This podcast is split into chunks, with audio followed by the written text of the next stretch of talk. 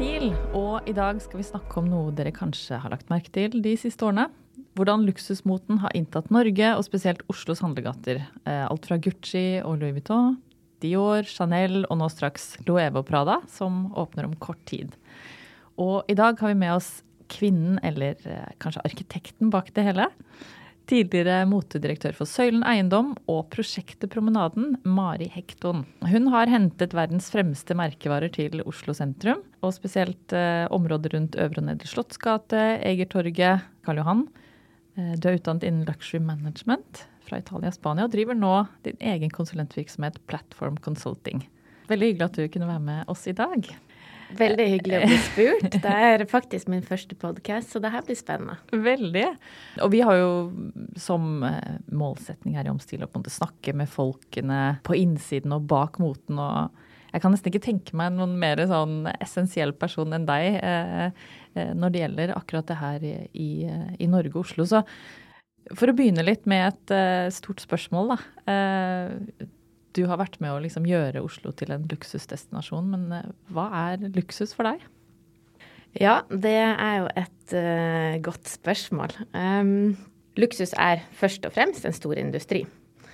Som har sine egne spilleregler, og som, som fungerer med sine koder og, og, og, regler på en annen måte enn mange andre. Det handler jo veldig mye om produkter man er villig til å betale mye, mye høyere pris for enn andre produkter med akkurat samme funksjon. Si en håndveske som du kjøper på HM, eller om så en plastikkbag du får på en butikk. Den gjør samme nytte som en designerveske, men man er villig til å betale mye, mye mer for en designerveske. Hvorfor? Eh, og det er det egentlig luksus handler om.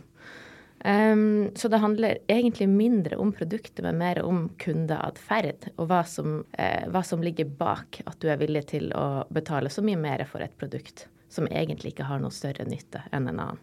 Nei, ikke sant. Og da går det på historie, det går på merkevarebygging, men ja? Ja, og, og der er det merket altså merkevaren. Og bak den merkevaren så ligger det på en måte en livsstil, eh, noe du kan identifisere deg med, eh, et statussymbol. Det blir brukt for å kommunisere til andre. Mm. For, for, å tilhøre en gruppe som du ønsker, og, og kommunisere egentlig en, en, livsstil som du ønsker å være en del av. Mm. Og for mange er det kanskje også en eh, altså hva skal jeg si, en ting man cherish for sin egen del. Altså at det markerer noe for seg selv, eller jo, det, og den, det har hatt en rolle for, altså som du belønner deg selv. Mm. Men, men, veldig ofte altså det, du, du, skiller mellom luksus for deg selv og luksus for andre. Og den største delen av luksusmarkedet handler om luksus for andre. Det er ting som er veldig eh, synlig, det er branda, det er eh. Og dette har jo lagt grunnlaget for en vanvittig stor industri? Jo, absolutt. Den er helt enorm. For et land som Italia så er det den største industrien i, i landet. da. Og, og, Frankrike vil jeg tro også er en eh, enormt luksusmarked. Eh, bare sånn for å ta noen eksempler. Sånn. jo. ja. for både Italia og Frankrike så er det en enorm stor industri. Du har jo jobbet med, med luksus lenge. Du, du har en, en, master i luksusmanagement. Hvordan kom du selv inn i denne industrien? Ja, det er jo litt uh, gøy. Det, det, var egentlig litt tilfeldig. Jeg, ikke, jeg, visste ikke egentlig at det gikk an å studere det som jeg begynte å studere. Uh, jeg skulle studere økonomi og um, og management og finans. Og søkte på forskjellige skoler og kom inn på en skole som er veldig god på det, i Milano. Og det jeg fort oppdaget da, var jo at som jeg nevnte i sted, så er mote- og luksusindustrien den største industrien i Italia. Ja. Så derfor hadde de på en businessskole i, i Italia eh, naturligvis også mye som var rettet mot det. Og, så, så, det var egentlig ikke noe plan fra min side, men det ble litt, det ble litt sånn. Jeg fikk, jeg fikk, noen valgfag. Det kom noen utrolig interessante. De, eh, de, største, altså de klokeste hodene innenfor den industrien kom og var forelesere. Eh, og du satt på skolebenken med barna til mange av de store familiene, altså motehusene i, i Italia, i Missoni, Versace, Moncler. Så, så, det var bare en veldig inspirerende verden. Og så ble den litt mindre når du var der og fikk alt så, så tett på, da. Så jeg fordypet meg videre i, i, det, uten egentlig en plan på hva jeg skulle bruke det til her hjemme i Norge. For da var det en ganske fremmed verden kanskje for mange nordmenn, eller i hvert fall å se på gatene på, på Karl Johan. Ja, det var fremmed, spesielt da. Og det er ikke så Altså det er ti år siden jeg flyttet tilbake hit og begynte med, med den eh, reisen da, men da så bildet helt annerledes ut her, her hjemme. Ja, for hva var det, bare sånn for å ta historien opp, noe av det første som fantes i Norge var vel kanskje Louis Vuitton? Ja, og det er det nesten alltid. Okay. Louis Vuitton er alltid den som går først inn i et marked. Det er ingen andre merker som etablerer seg før Louis Vuitton. De er alltid de første som går inn. Så det er naturlig at de, var, eh, at de er det. Eh, men de lå da i eh, Akersgaten, og der var det ikke mulig å bygge noe videre. Du hadde Stortinget på andre siden av gaten. Så det var liksom ikke så veldig mye rom for andre å etablere seg rundt Louis Vuitton på den tiden. Eh, og det var mange merker som hadde vært rundt i, i, Oslo og sett på hvor skal vi etablere oss, og ikke funnet riktig miljø. Eh, de hadde gått opp og ned eh, Karl Johans gate, og for disse merkene så er beliggenhet det aller, aller viktigste. Ja. Eh, og beliggenhet betyr egentlig naboer, og det betyr deres, eh, de andre luksusmerkene. Jo, så beliggenhet er det absolutt viktigste for disse merkene når de skal etablere seg i et eh, marked eller hvor som helst. Og da skal de ligge rett ved siden av uh, sine konkurrenter. Ja, for det er interessant, for det er jo nesten litt sånn kontraintuitivt. Du vil tro liksom av konkurrenten vegg i vegg, da konkurrerer man om de samme kundene. Da, da er det en stor sjanse for at de går til naboen og ikke til deg at man heller skal spre seg ut, men, men, sånn er det ikke. Nei, sånn er det ikke. De posisjonerer seg med, gjennom hverandre. Eh, og så er det noen, noen, sånne koder som, ikke, som jeg ikke visste om før jeg begynte med det her, men som det er liksom en, en, taktikk i forhold til hvem som går inn når, og hvor store butikker de skal ha i forhold til hverandre. Mm. Det, er litt, eh, det, er, det, er noe som skjer bak der som, eh, som er eh, litt morsomt når man først kommer inn i det. Ja, og vi kan jo spole historien litt tilbake. Vi, eh, jeg og, og Jorunn Aartun intervjuet deg, og ja. din daværende partner kanskje, eh, Karl Erik Krefting, mm. i Søylen eiendom, da dere eh, for alvor på en måte etablerte promenaden i Oslo eh, og var med på å bygge ut hele dette luksus. Og det, det, var tilbake i 2014, tror jeg, så det begynner å bli en stund siden. Ja. Um, men um, da var det også mye snakk om liksom, strategien bak det hele, hvordan dere jobber. Og, og, og, og, kan du fortelle litt da om hvordan dette kom i gang? Var det Søylen som tok kontakt med deg, og så jobbet dere frem en strategi sammen, eller hvordan, eh, hvordan startet det hele? Ja, det var litt gøy, for da, da kom jeg, jeg, jeg var ferdig utdannet, flyttet tilbake til Norge, ante ikke hva jeg skulle gjøre med min utdannelse her. Og spurte litt rundt, og så fikk jeg beskjed om at det er én mann i Oslo du må snakke med.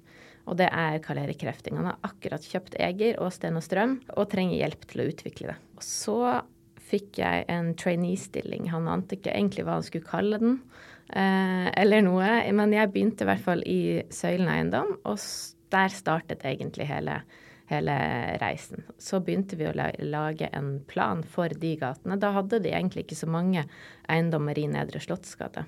Og så begynte vi å lage en helhetlig plan for hele området. Eh, for Søylen sin del for å øke verdiene av eiendommene i sidegatene til, til eh, Karl Johans gate, hvor de satt på mye eiendom. Um, og for min del så var det veldig, veldig, en veldig morsom oppgave å prøve å hente alle disse merkene til, til, Norge.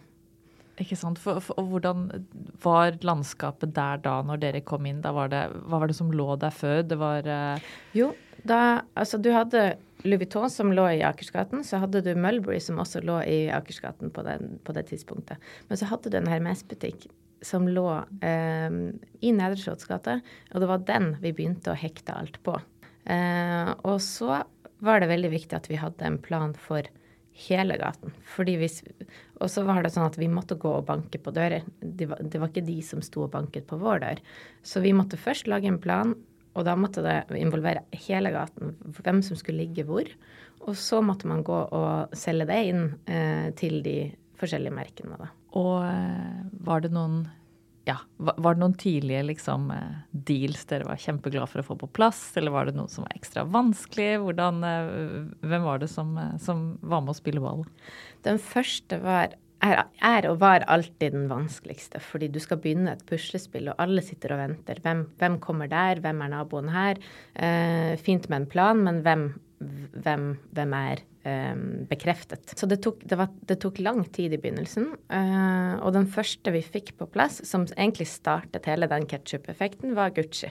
Uh, og der var det litt sånn vi måtte For der var det en gruppe som heter Group 88, som, som hadde rettighetene til Gucci i, i, Skandinavia. Så vi måtte forhandle med de og Gucci eh, direkte samtidig. Så den tok lang tid, men det var den som egentlig var med på å starte hele ja, og, og, den ligger vegg i vegg med Hermes-butikken. Ja. ja. så det var å hekte dem på. Og så var vi jo vi var For ti år siden begynte vi med Chanel, f.eks. Ja. Og de åpnet jo nå nylig. Eh, så de var ekstremt treige. Eh, og de var rundt der, og de så på den beliggenheten de er nå, hvor tidligere da eh, Hennes og Maurits lå. Der skulle de ligge, men de kunne godt vente til kontrakten med HM gikk ut. De hadde det ikke travelt. De skulle ha riktig butikk, den skulle se riktig ut i forhold til deres merkevare eh, osv. Så, videre. så de, de, brukte lang tid. Ja, for det må jo ha vært litt vanskelig å overtale disse merkene også, selv om du har kanskje mest på plass Louis Vuitton, til å komme inn i et område som var kanskje litt rufsete? Eller? Det var rufsete, og jeg, jeg husker da vi gikk liksom Eh, de kom med, med flytoget inn til sentralbanestasjonen, og så gikk man oppover Karl Johan. Og de gikk der og så på sånne trollbutikker og bare sånn OK. Um, så um, Ja, hva sier du da? Bare sånn mm, This is Norwegian culture. ja, men ikke sant. Eh, Nedre Slottsgate var også rufsete. Ja. Den så ikke ut som et riktig miljø for de eh, da de kom og skulle bestemme seg om de skulle etablere butikk. Så hele clouet var å selge inn en plan på hva det skulle bli. Ja. Og så måtte de tro på at det, at det, skjedde, da. Og det kan du kun gjøre hvis du har kontroll på hele gaten. For hvis du da har noen naboer som ikke er med på samme, samme reise, så, så, blir det vanskelig. Det gjorde også da at Søylen begynte å kjøpe på de eiendommene de ikke hadde i den gaten. Nettopp for å få kontroll på det å gjøre de merkene vi ønsket å få inn, trygge på at det ikke kom noe feil eh, inn der som nabo. Det er jo litt av et ja, som du sier, puslespill. da. Eh, skal få inn eh, verdens største merkevarer. Eh, I tillegg kjøpe opp hele kvartaler, nesten. Eh, et vanvittig stort prosjekt. Det var et stort prosjekt, og det er òg dynamikken mellom de merkene ble òg altså, Se på Louis Vuitton, f.eks., som da flyttet fra Akersgaten ned til Nedre Slottsgate. Og så fikk Hermes en større butikk enn Louis Vuitton, som gjorde igjen at Louis Vuitton nå har flyttet tredje gang. og fått en større butikken. butikk igjen. Ikke sant. For de kan ikke sitte med en, med en mindre butikk enn noen andre merker. Veldig morsomt. Og her ser man også kanskje en annen dynamikk i spill, fordi eh, Louis Vuitton og RMS har ikke samme eiere. Nei, nettopp. Og så her er det på en måte en, et, et, bakteppe av eh, andre interesser. Kan du fortelle litt om hvordan denne moteluksusindustrien fungerer fra det perspektivet? Ja, Uh, og det er jo interessant at du sier at de ikke har samme eiere, for det er veldig mange av disse merkene som har samme eiere. Uh, det eksisterer store grupperinger. LVMH, som Louis Vuitton ligger under, er den største innenfor luksus, og der under den ligger Louis Vuitton, Dior, Celine Hjelp meg litt her nå. Ja, Fendi. Fendi. Chloé. Ja. Altså, de har 75 eh, merkevarer under seg. Det er den desidert største eh, luksusgrupperingen i verden. Mm. Eid av Bernard Arnault, eh, som også er på listen over de rikeste i verden, sammen med bare andre innenfor tech. Så um, Ikke sant. Og, og uh, eh, LVMH, som du sier, eier altså Louis Vuitton, og så er det Moet Tennessee. Altså de eier også masse eh, innenfor alkohol. Eh, de eier merkevarer innenfor Jo, Louis Vuitton sitter da på eh, 75 merkevarer, som er de sterke, flere av de sterkeste merkevarene i verden. Innenfor mote, luksus, klokker, smykker, alkohol. Sånn. Champagne, vin. Ja. Eh, de sitter også på en del eh, retail, på, på eh, duty free. De eier også Sephora. Eh, har nylig nå også eh, kjøpt opp et bitte lite smykkemerke som heter Tiffany. Ikke sant. Eh, så eh, verdensherredømme, basically, er det de ønsker seg innenfor dette? De har enormt makt innenfor luksusindustrien. Ja. Og, og, og hvordan eh, På den andre siden har du, som du nevnte, Group 88, som har hatt et tett samarbeid med eh, ikke sant, Gucci, men over det igjen Caring. Ja. Og deres merkevarer Bottega Veneta, Balenciaga, ja, Gucci. Ja, Gucci, Saint Laurent, Bottega Veneta, Balenciaga, eh, og de har, de har, også mange merker, og er også en stor, stor aktør innenfor eh, luksusmarkedet. Så de er vel de to store konkurrentene. Eller de driver i hvert fall på veldig lik måte. De, har, de er store konkurrenter. Det er litt, det er litt morsomt hvordan, opp, hvordan, de startet også. For det startet med at Gucci prøvde å finne noen som kunne kjøpe de opp, for å ikke havne i klørne til LVMH. Eh, for de ville ikke havne, havne hos franske LVMH, men de havnet hos en annen eh, fransk mann eh, som heter Pinot. Eh, så, eh, så, det var egentlig opp, eh, opphavet til Caring som som har hatt mange navn. Det har hett PPR, Caring, Gucci Group. Men eh, det er en litt morsom historie hvordan, de, eh, hvordan det startet.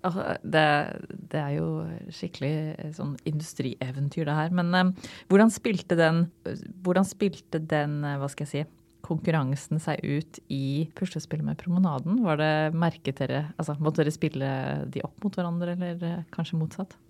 Nei, men det var litt sånn Jo, eh, er, de skal vise litt muskler, ikke sant. Så hvis én går inn, så, så, får den andre litt spark i rumpa på at nå må de også være til stede i det markedet.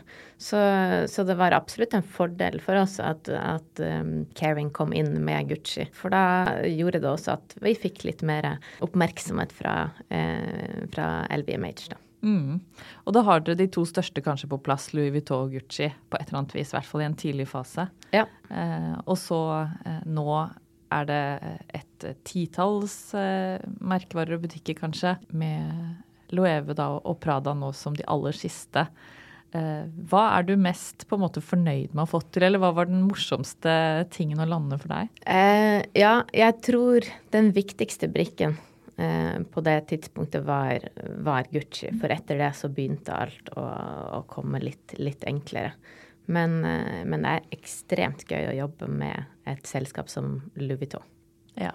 Eh, og der opplevde jeg at vi ble på en måte ordentlig kjent med de. De har en annen approach på mye. Eh, så det er liksom Ja, vi ble, vi, vi ble, ordentlig godt kjent med de, gjorde masse sammen med de, eh, og hadde et langsiktig samarbeid. da. Ja, for hvordan, eh, hvordan jobber du for å overbevise noen som, som dem, eller de, de, var kanskje til stede, men andre. Hvordan jobber du med å overbevise dem om å etablere seg i Oslo? Ja, det var egentlig, det er egentlig tre ting. Det første var å ha en plan for hele gaten, sånn at du, du, klarer å skape en beliggenhet som er attraktiv for dem. Det andre er at du, du, har ikke så mange lokaler som er aktuelle, eller som, som er mulige. Så da er det litt sånn enten så, så, har du mulighet til å være med, eller så, så blir det tatt av noen andre. Mm. Der kommer det spillet mellom uh, Caring og LVMH litt inn. Ja. Og så er det å, å, overbevise dem om at det er et marked for uh, disse varene i Norge. Og det så dere og, og visste dere at det var? Ja, altså det, det, er ikke noe grunn til at Oslo ikke skulle ha de butikkene. Eh, vi hadde en høyere kjøpekraft enn andre byer på størrelse med Oslo, som allerede hadde alle disse butikkene. Eh, samtidig som det begynte å komme en annen type turisme til Norge eh, med høyere kjøpekraft. Eh, men det var ingen av de her merkene som satt og så på Norge av seg selv. Man måtte dit og på en måte sette Norge på kartet. Ja. For de var opptatt av andre markeder, Kina, Asia, altså helt andre markeder enn lille Norge. Ja, ikke sant. Det, så, så, det har vært en helt, helt bevisst jobb på, på en måte, dra de hit. Hvordan ser bildet ut i dag, da? Er de, eh, er de fornøyd, for å si det sånn? De har jo gjort det veldig bra i Norge. Det er jo en grunn også til at sånn som Louis Vuitton bare åpner større og større og større butikk. Eh, de omsetter i dag i Norge for over 200 millioner, eh, som er ekstremt høyt. Eh, det er noen omsetningstall som du ikke kan sammenligne med noe annet. Så, så, de gjør det bra, men de gjør det bra i hele verden. Så det er, eh, det er litt sånn. Og så er det eh, selvfølgelig også i de, noen av, av, merkene som har et ledd ekstra inn. De har gått to, tilbake og kjøpt ut for å drive butikkene sine selv. da mener jeg at de, de først lå under Group 88. Mm. Og så har de gått og kjøpt tilbake butikken sin fra Group 88. Da. Ja, og ønsker å drive det mer selv, direkte, direkte fra, mm. fra, fra, hovedkontorene.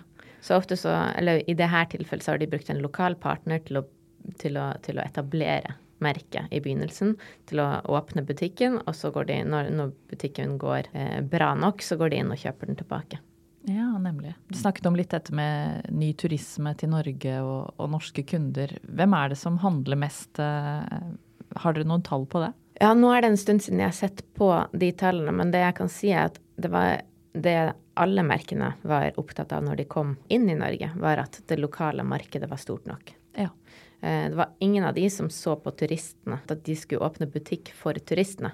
Det så de på som en bonus. Så de var ekstremt opptatt av at det lokale markedet var stort nok til at de kunne åpne butikk. Og for ti år siden så var det fortsatt Altså det var mange nordmenn som handlet luksus andre steder enn i de butikkene. De handlet det på reise, de havnet det i multibrand-butikker som, som, også var etablerte i, i, Oslo. Vi hadde på EG. Vi hadde, eh, altså mange av de merkene var representert i multibrand-butikker. Fra før av så nordmenn var kjent med de. Eh, men langt fra så mange nordmenn var kjent med det her markedet eh, for ti år siden. Og har du inntrykk av at vi har omfavnet det på en måte nå, eller at, er, eh, at nordmenn har rett og slett blitt eh, luksuskonsumenter?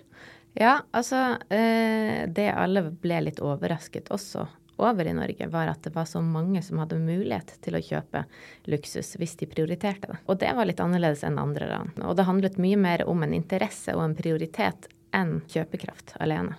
For det, var, for det finnes mange som har kjøpekraft som ikke er interessert, og de blir ikke heller eh, kunder.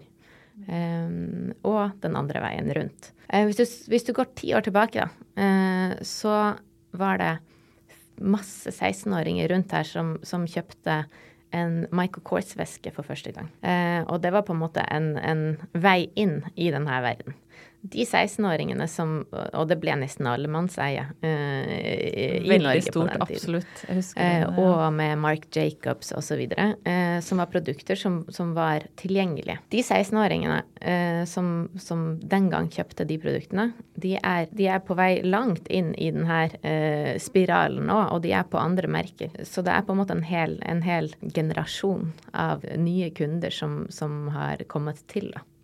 Ja, for det tenkte jeg å spørre om at tidlig i promenaden så vi jo merker som eh, og tilbake når jeg leste saken jeg og Jorunn skrev for D2 i 2014, så, så ser vi at der nevnes Sandro, Mars, eh, Michael Kors Helt andre typer merkevarer enn det du kanskje snakker om nå, som sånn in, som har fungert som en introduksjon rett og slett for nye generasjoner inn i dette. Var det en strategi hele veien? Ja, eller vi lagde to forskjellige clustre, da. Uh, og clusteret, da mener jeg at man, man, grupperte, uh, man, grupperte, noen merker sammen som hadde en stor verdi av å ligge ved siden av hverandre. Uh, så da etablerte vi Nedre Slottsgate med bare luksusmerker. Og så hentet vi inn mange av de internasjonale, litt mer fashion-motemerkene til Øvre Slottsgate rundt, rundt, Eger. Så det var på en måte hadde en litt yngre profil. Fordi, og, og det kanskje mange glemmer eller ikke helt tenker over, og det det slo meg, jeg hørte også på um, In Good Company med Nicolai Tangen, ja. som vi snakket litt om før, før uh, programmet, at uh, med CEO-en til LV Mars, og han snakker om da at uh, altså kunden er selvfølgelig en veldig kjøpesterk gruppe, men i tillegg så har du på en måte Det er middelklassen som egentlig er hovedmålgruppen. Eh, jo, middelklassen, eller kanskje øvre middelklasse, er den desidert største kjøpegruppen. Eh, eller mål, målgruppen til, til luksusmerkene. det handler om at de har penger. De har nok penger, og de prioriterer det, og de har lyst til å vise at de har, at de har hatt suksess, at de har på en måte gått fra å være en student til å ha fått en, en jobb, en bedre betalt jobb, jobb, og at de beveger seg opp i levestandard på mange måter. Eh, så, så, de er en veldig eh, viktig gruppe for, for, luksusmerkene. Fordi det handler om at du, du, beveger deg oppover i levestandard, og dermed får eh, lyst til å vise det. Eh, vise det og oppgradere eh, livet ditt på mange måter. Ja, ikke sant. Fordi man tenker jo på en ja, så mange, Succession som mange så på. ikke sant? Du har denne super-ultra-rike eliten som på en måte altså De er jo ikke så opptatt av nødvendigvis luksusmerkevarer å vise det. Nei, og det handler òg litt med at de har, de har hatt det alltid. Mm. Så de har ikke det samme behovet for å vise at de har beveget seg. Eh, og den bevegelsen eh, i levestandard, det er der det virkelig tikker inn et behov for luksusvarer. da. Um, og, og, det er den de på en måte trigger litt. Altså uh, Det er veldig interessant. Og, for å se på eh, Det her er jo på en måte ditt uh, felt, sånn sett. Uh, å se på det store bildet. Vi snakket litt om, om disse store konglomeratene og hvordan de, de, jobber. Hele denne luksusindustrien har vel er jo relativt ny. Altså, sånn som du ser det fra, fra din bakgrunn, er det Hvordan har den utviklet seg de siste ja, 30 årene? Jo, eh, den er relativt ny, og det er jo litt interessant, for man tenker jo også at oi, den har eksistert alltid, og det er helt umulig å komme på banen, for det er merker som er så, så etablerte. Det er mange som er det, spesielt de franske, eh, som er på en måte de Eh, virkelig luksusmerkene. Um, uh, de, de, er jo de eldste. Men så har du de italienske som er mer på, på fashion og ready to wear, hvor, du har, hvor, du har, designere og grunnleggere som lever i dag. Og det betyr jo at de er jo ikke så gamle. De er jo de, ja. Så alt det her har jo skjedd på veldig kort tid. Det som er spesielt med kanskje de, de franske merkene er at de har dype røtter. Eh, og det er veldig mange merker som også blir, eh, som har eksistert lenge, som blir satset på og, og løftet opp igjen. Så, så, det handler egentlig om merker som, som er globalt kjente som kommer inn under disse eh, grupperingene og blir satset på og puttet masse penger inn i, og får en gå gjennom en profesjonalisering på mange måter. Mm. Ja, for det var vel her Bernard Arnault startet med Louis Vuitton eh, Moet Hennessy Altså før han til og med kjøpte de merkene, så eh, kjøpte han eller gjorde noen eh, krumspring for å få tak i Dior, da. Og så ja. bygde imperiet ut fra det, holdt jeg på å si. Ja, eh, han kom jo egentlig ikke fra tekstil eller mote eller eh, det i det hele tatt. Han, kom, eh, han jobbet med real estate, den, med eiendom, på den tiden. Og så det, det, er, eh, det, er, en sånn kjent eh, som han alltid drar opp i intervjuer, da, at han satt i en, i en drosje i New York og spurte eh, han drosjesjåføren da om hva han visste om Frankrike. Om han visste hvem var presidenten, eller hva visste han om Frankrike. Og så sa han han visste ingenting om Frankrike, men han visste han kjente til Christian Dior. Ikke sant. Og det var da det gikk opp et lite lys for Bernard.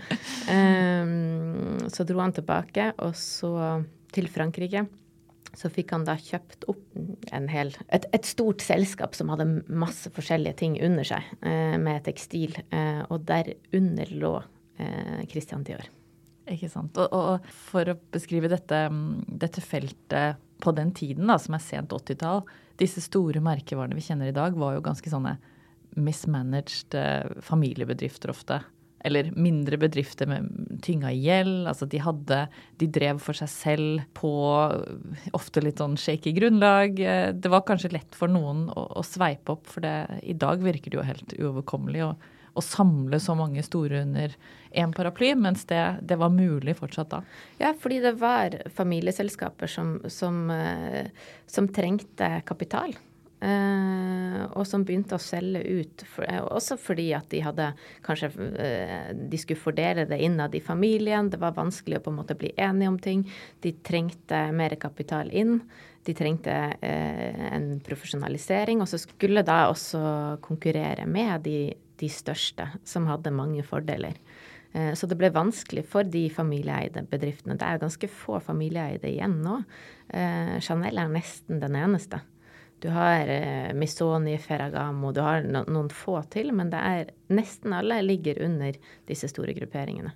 Og, og, de grupperingene som, som, finnes i dag, er som vi nevnte Louis Vuitton, Moet Tennessee, LVMH, Caring, og så har du vel Prada Group. Ja, og så har du eh, Richmond, og så har du Only the Brave. Um, ja, du har, du har på, flere, på, flere, nivåer innenfor mote og luksus så har du forskjellige grupperinger. Mm. Richmond Richmond eksempel, som er, en mer, som er sveitsbasert og har fokus på klokker og smykker. På det man kaller hard luxury.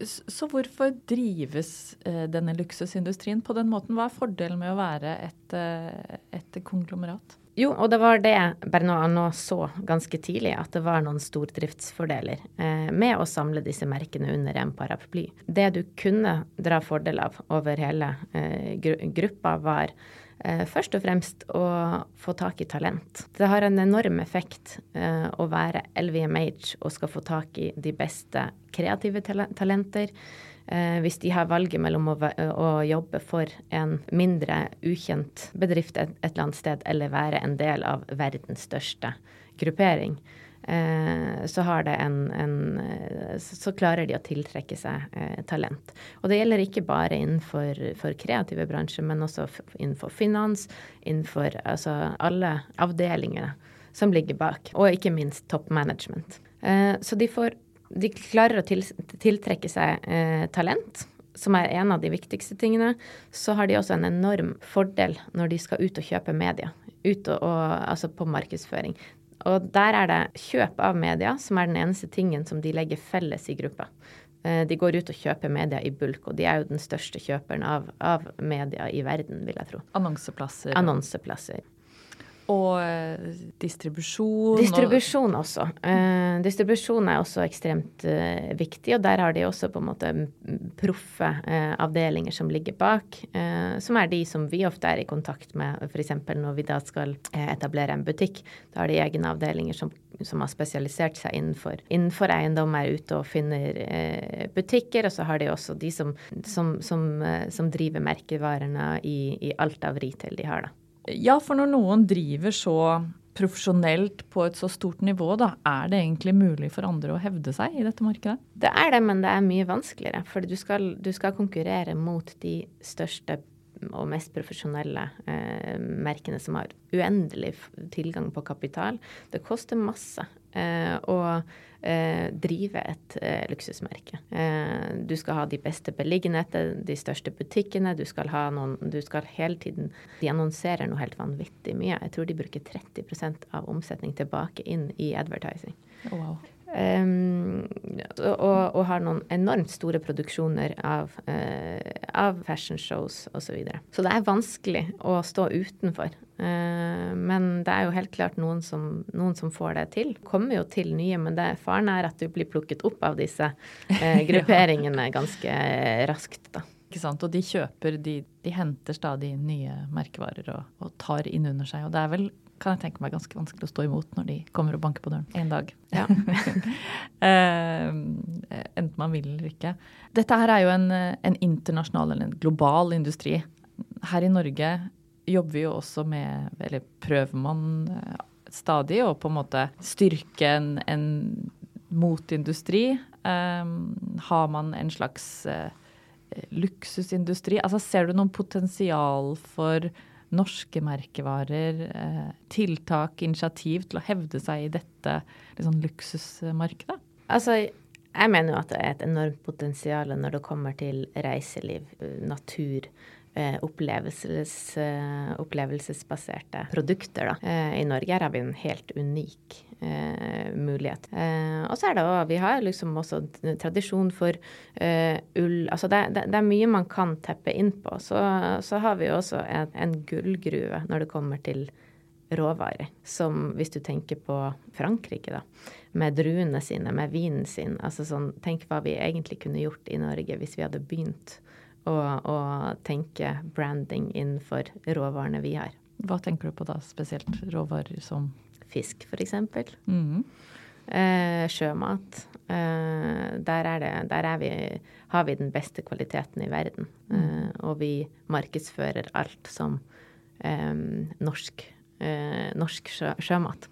Eh, ja, som, som, at man i større grad skaper brands, eller skaper nye ja, altså vi, vi, gjør jo ikke det i dag. Men tenk hvis Frankrike skulle, skulle brandet all fransk vin som French wine. Ja, ikke sant. Godt eksempel. Uh, så absolutt dette med, å, dette med, å, kultivere unike råvarer. Du, du nevner fisk, uh, ull, um, ulike typer altså, ost. Man har jo en, eh, en liten tradisjon for det. Absolutt. Altså da, og da handler det om å på en måte ta tak i det vi har vært gode på, og, og sette det i, i, et system med de reglene som, som hører til luksusindustrien, f.eks. Det er jo helt tydelig. Dere har jobbet, eller dere jobbet med denne, hva skal jeg si, eh, ansiktet utad kanskje for luksusindustrien, som er disse store merkevarene.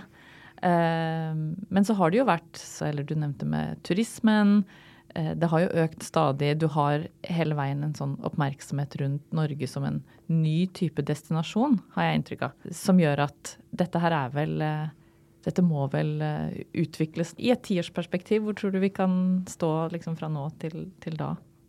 Nei, det er mange som satser nå på et øvre segment innenfor reiseliv i Norge. Uh, og det tror jeg er helt riktig. Uh, fordi det er eksotisk. Det er helt, helt unikt. Uh, og man søker også en Det er på en måte en ny type destinasjon og luksus som jeg tror vil være helt, helt riktig i tiden som, som kommer fremover nå, da. Eh, ja, så det er mange som satser på det øvre segmentet innenfor reiseliv i Norge nå, og det er kjempespennende. Blant annet Flakk-gruppen, som gjør masse spennende. Det er flere, det er flere ting som, som, rører seg, da. Um, som gjør at, For jeg tror at vi har hatt mange som ønsker å besøke Norge, men de har ikke funnet ut hvor de skal bo, hvor de skal dra, hvor de skal Ja. Ikke sant. Du har Juve som er booket ut mange år framover. Ikke sant? det er dit alle vil, fordi det kjenner de til, ikke sant. Eh, og så har man også kommet på kartet eh, pga. alt som har skjedd også i Oslo, altså i form av eh, kunst, kultur, arkitektur. Eh, så Norge har en, begynt å tiltrekke seg en helt annen type turisme enn det vi gjorde for bare noen år siden. Ja, Er Norge en slags luksusmerkevare i seg selv? Ja, det kan man si, egentlig. Eh, fordi du du får noen assosiasjoner som er veldig positive eh, når du snakker om, om, Norge. Så det i seg selv er det jo da et, et, et brand som, eh, som, er interessant. Jeg må bare spørre, du, du som jobber med dette til daglig, som, som jobber med å utvikle dette, og strategier osv. Jeg begynte vel kanskje med å spørre om det, men jeg kan vel spørre deg litt mer sånn personlig. Hva er på en måte luksus eh, for deg? Ja um, Jobb. Nei, du, mener du liksom i form av produkter, da, eller hva? Jeg, jeg tenker hva begrepet på en måte betyr for deg som person når du tenker dette var liksom en luksuriøs opplevelse. Det kan ja. jo være så, mye, så, så, så, enkelt som å ha tid til å gå på jobb i fred. ja, nei um, um, Det har endret seg eh, også. Fra bare noen år siden hvor jeg var mer opptatt av produktet, hvor jeg nå er mye mer opptatt av opplevelser. Ja. Eh, så jeg merker en stor endring i mine personlige preferanser og hva jeg opplever som, som luksus. da. Et eksempel, noe som eh, et moment hvor Mari Hekton tenker det, dette var faktisk luksus? Um, å være Nei, da, da, vil det være en, å være på et helt unikt sted uh, hvor jeg har fin natur, fine opplevelser, uh, hvor det er bare alt, alle detaljer jeg har tenkt på. Det er estetisk pent. Uh, altså, det er en ordentlig luksus. Og god mat, god vin. Altså, det er en luksus som jeg setter stor pris på.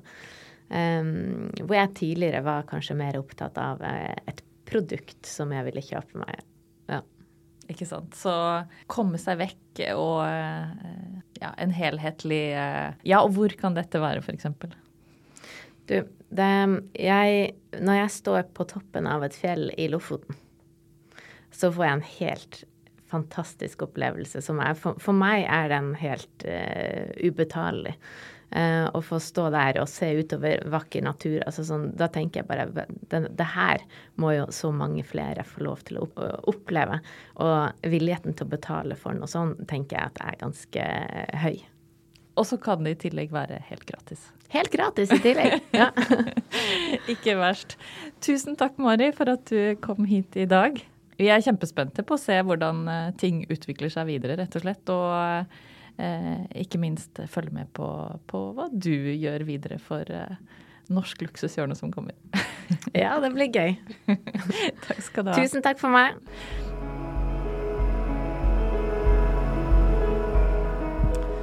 Takk for at akkurat du hører på Om stil. Og følg oss gjerne på Instagram på om-stil. Der kan du bli bedre kjent med oss og gjestene våre, få tips om ting som skjer, og ikke minst alltid holde deg oppdatert på siste episode. Vi ses!